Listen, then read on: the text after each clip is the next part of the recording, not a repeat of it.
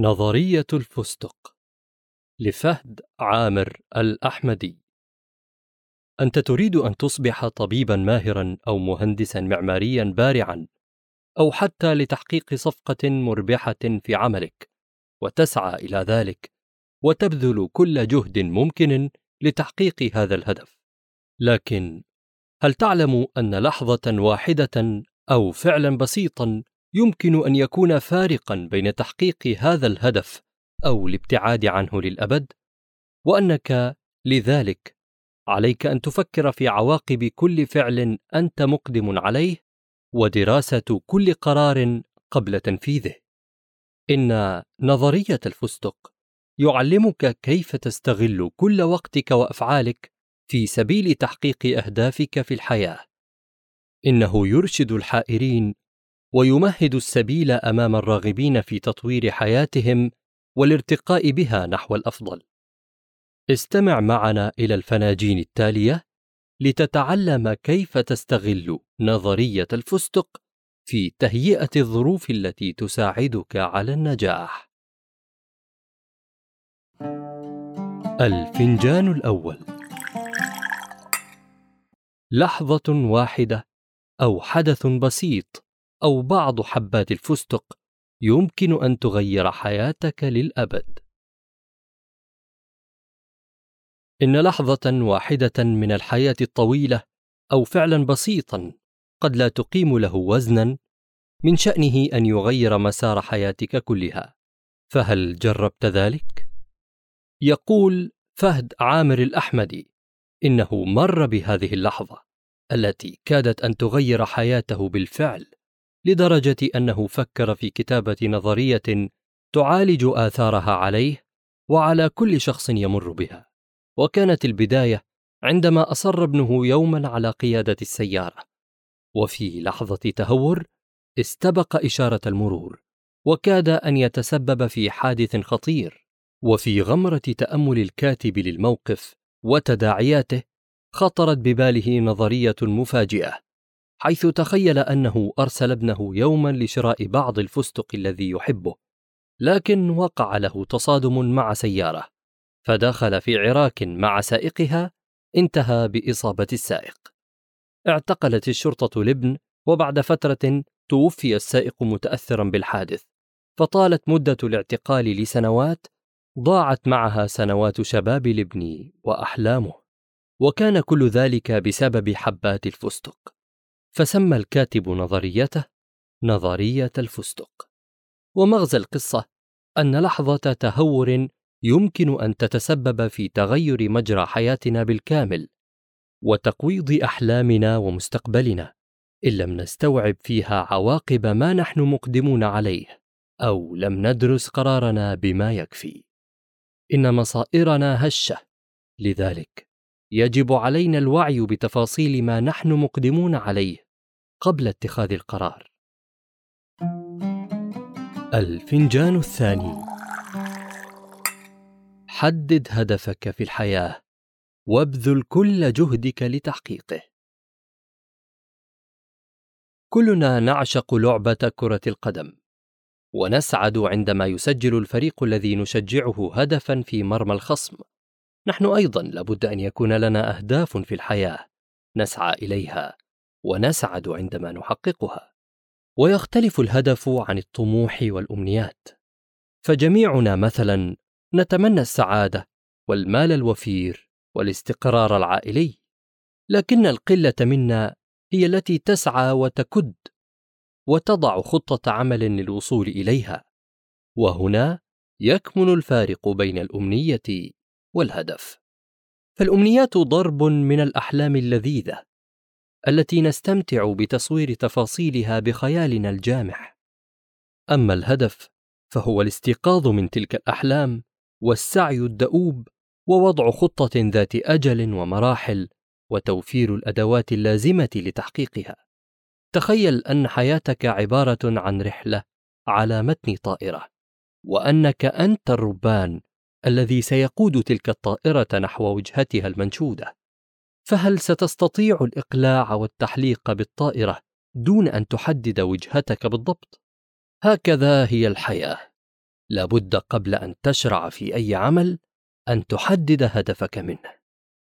إن من أهم أسباب نجاحك في الحياة تحديد الأهداف في وقت مبكر واستغلال الطاقة الكامنة بداخلك لتقريب ما يبدو بعيد المنال. الفنجان الثالث. تصالح مع ذاتك لكي تتمكن من تحقيق أهدافك في الحياة. يعرف علماء النفس الذات بأنها اعتقاد الفرد عن نفسه ومعرفة قدراته وصفاته ويؤكدون أن مفهوم الذات لدى الفرد يتشكل خلال مراحل النمو. فخلال هذه الفترة يجب أن تعرف هويتك وكفاءاتك وقدراتك. فلهذا تأثير كبير على سلوكياتك. وقبل أن تشق طريقك نحو النجاح لابد أن تتصالح مع ذاتك وأن تعيد اكتشافها من جديد. فهي رأس مالك الحقيقي واستثمارك الذي لن تخسره يوما. والتصالح مع ذاتك يتطلب منك خطوات مهمة.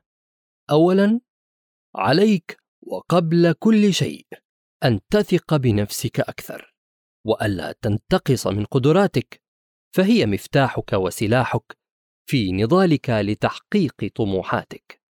وثقتك بذاتك هي ما يؤهلك لتحقيق طموحاتك فأنت في النهاية مجموع ما تعتقده عن نفسك. فإن اعتقدت أنك تمتلك قدرات معينة ووثقت بذلك فاعلم أنك ستتمكن من استغلال هذه القدرات في حياتك. ثانيا تقبل ملاحظات الآخرين على أدائك بصدر رحب واستفد منها حتى تطور ذاتك. فهناك بقع عمياء لا تراها أنت في نفسك ويراها غيرك ولكن في نفس الوقت لا تدع آراءهم تنل من ثقتك بنفسك وإيمانك بأهدافك. ثالثا لست ملزما بإقناع الآخرين بصحة نظرياتك وأفكارك ولا بإقناعهم بأنهم على خطأ فلا تهدر وقتك في محاولة إيصال وجهة نظرك إليهم. فكل يسعى لتصديق رؤيته الخاصة. رابعا الأشياء الصغيرة تحدث فروقا كبيرة. والخطوات الصغيرة توصلك بثبات إلى الهدف. فلا تستهن بأي خطوة تصل بك إلى هدفك مهما كانت بسيطة ولا تتسرع وتتعجل الوصول. فقد تفقد كل مكاسبك بسبب خطوة كبيرة غير مدروسة. خامسا تذكر دائما أنك تملك الخيار في ردود أفعالك فعند تعاملك مع أي مشكلة تستطيع إما أن تبسطها وتمررها بأقل الخسائر الممكنة أو أن تضخمها لتحدث لك متاعب نفسية ومادية. أنت في غنى عنها. سادسا حاول أن تكون مبدعا ومبتكرا ولا تكن مقلدا في الأفكار والآراء. حرر عقلك واطرح تساؤلات توصلك لأفكار جديدة خاصة بك. سابعا تعود على مراجعة الذات من حين لآخر. في نهاية كل شهر مثلا اجلس لتقيم إنجازاتك وتصحح أخطائك. واجعل من ذلك دافعا يزيدك اصرارا على بلوغ أهدافك. وراعي الحياد والبعد عن العواطف عند تقييمك للأمور. واستفد من نتائج تلك المراجعة في تطوير أدائك. ثامنا لا تتوقف عن طلب العلم والاستزادة منه مهما بلغ بك العمر ولا تغتر بعلمك فالعلم الحق يكسب صاحبه التواضع. وتذكر أن القراءة وحضور الندوات واستشارة الخبراء ومطالعة المواقع الإلكترونية من الصفات المشتركة لكل الناجحين. الفنجان الرابع طريق النجاح ليس مفروشا بالورود فكن مستعدا لمواجهة العقبات. إن طريق النجاح طريق وعر ولو لم يكن الأمر كذلك لنجح الجميع في حياتهم وما كان بيننا فاشلون. وجميعنا نتعرض للنقد في هذه الحياة ذلك أمر طبيعي. فكل من يسعى للنجاح يتعرض للنقد. والناجون من النقد هم الذين لا يفعلون شيئا أصلا. المهم أن تستفيد من النقد الإيجابي والا تدع النقد السلبي يؤثر عليك فأسهل شيء للحاسدين أن ينتقدوك دون سند حقيقي. فامض في الحياة دون أن تلتفت لثرثرة الفاشلين. وفي طريقك للنجاح سيحاول الجميع الأخذ من وقتك. ولكنك لن تستطيع مسايرة الجميع وتبديد دقائق عمرك الثمينة. فلا تسمح بذلك ولا تخش من قول لا بأدب فهذا يكسبك احتراما وتقديرا. وتذكر أنك أنت من يحدد للآخرين أسلوب تعاملهم معك. ومن لا يستطيع أن يقول لا في الوقت المناسب لن يستطيع أيضا أن يقول نعم في وقتها المناسب. كذلك فإن طريق النجاح لا يمكن أن يكون مفروشا بالورود فتوقع أن تواجهك عقبات وصعوبات مختلفة. درب نفسك على مواجهتها والتغلب عليها فأنت تستطيع ذلك بالتأكيد. ذات يوم باع مزارع أملاكه في هولندا وانتقل إلى جنوب إفريقيا لإنشاء مزرعة ضخمة. لكنه اكتشف أنها جدباء لا تصلح للزراعة وأنها مليئة بالعقارب والأفاعي السامة. وبدلا من اليأس استغل الموقف ايجابيا وحول مشروعه لإنتاج مضادات السموم الطبيعية وتعد مزرعته اليوم أكبر منتج للأمصال في العالم. فكن مثله دائما استعد لمواجهة العقبات لكي تتمكن من تحقيق النجاح. الفنجان الخامس. استفد من تجارب الناجحين واتبع خطواتهم. الإنسان الذكي يحاول تتبع خطوات الناجحين على طريق النجاح بينما يرفض آخرون ذلك مما يفقدهم فوائد كبيرة. فالناجحون يتبنون في حياتهم عادات قد تبدو بسيطة لكنها تصنع نتائج باهرة. لذلك فلا بد أن تعرفها. بداية عليك ألا تحمل هم النجاح بل ركز على خلق عادات صغيرة ناجحة كاستغلال دقائق الانتظار أو فترات ركوب المواصلات في قراءة جزء من كتاب أو تعلم مهارات جديدة. ستفاجأ بعد مدة أنك حققت انجازا جديدا في وقت أقل من المتوقع. إن دقائق عمرك لا تقل نفاسة عن حبيبات الذهب البراقة. وإذا عملت على الاستفادة من دقائق عمرك المتناثرة فستجمع بلا شك ثروة لا تقدر بثمن. أيضا تعلم ترشيد طاقتك اليومية. فأنت تستيقظ صباحا مزودا بطاقة محدودة. وعليك صرفها بحكمة لضمان عطاء متوازن طوال اليوم فإهدار طاقتك مثلا. في خلاف بسيط صباحا كفيل بأن تقضي بقية اليوم عصبيا خائر القوى دون تحقيق إنجاز يذكر. وعليك أن تضع قواعد واضحة للتوجيهات التي تتكرر كثيرا إذ يمكنك مثلا تعليق لوحة بأهم التوجيهات والقواعد اللازم اتباعها في البيت. بدلا من ترديدها على مسامع الأبناء طوال اليوم. ولا تغفل البدء بنفسك في الالتزام بتلك التعليمات. فالتربية الناجحة لا بد فيها من القدوة قبل التوجيه. واستخدم كذلك أسلوب القصة في توصيل القيم التي ترغب بغرسها. فالدروس والمواعظ تنسى بينما تعلق القصص اللطيفة بالذهن. من أساليب الناجحين أيضا ألا تؤجل أعمالك البسيطة حتى لو كنت مشغولا بالمهام الكبيرة. فالإنسان المشغول ينجز الأعمال الموكلة إليه أفضل من المتفرغ. عليك أيضا أن تستخدم الورقة والقلم في تفكيرك وتخطيطك. واعتمد أسلوب الشجرة المتفرعة ليوسع آفاقك ويفتح أمامك خيارات لم تكن تخطر ببالك. وأسلوب الشجرة المتفرعة هو أسلوب يعتمد على مخطط بياني يتكون من خطوط تسمى اغصانا تتلاقى في نقاط تسمى جذورا ويمكنك استخدامه في تدوين أفكارك وتنظيم مهامك وترتيب أولوياتك.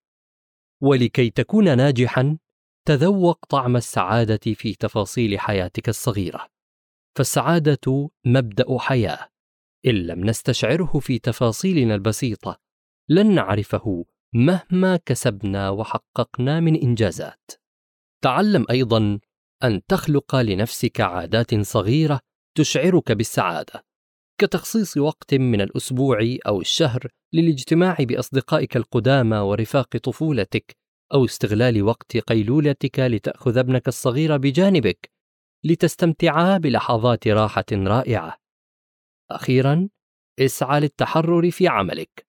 وأنشئ مشروعك المستقل حالما تسنح لك الفرصة. وأفضل عمل حر لك هو ممارسة هواية تعشقها بطريقة احترافية. فمشاهير الفنانين وأبطال الرياضات العالميون ليسوا سوى أشخاص آمنوا بهواياتهم ومارسوها باحتراف وجعلوها مشروع حياتهم.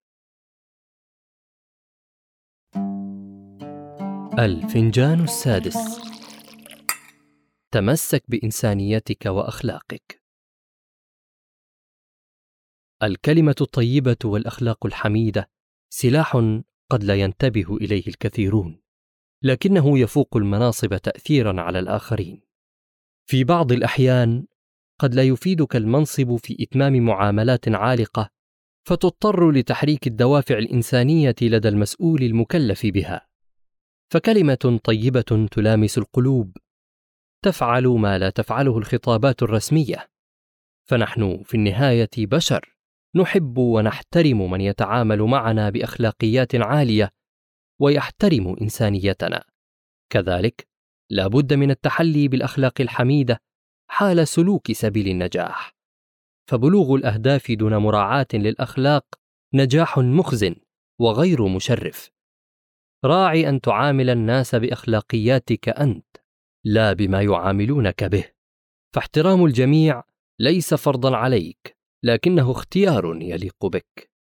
ولا تعدم حظا من الحلم فهو سيد الأخلاق. وبادر الآن بإصلاح أخطائك وإلا فستندم عليها مستقبلا حيث لا يمكنك إصلاح أخطاء الماضي. كانت هذه الفناجين لكتاب نظرية الفستق لفهد عامر الأحمدي. الرسالة الأساسية في هذا الكتاب.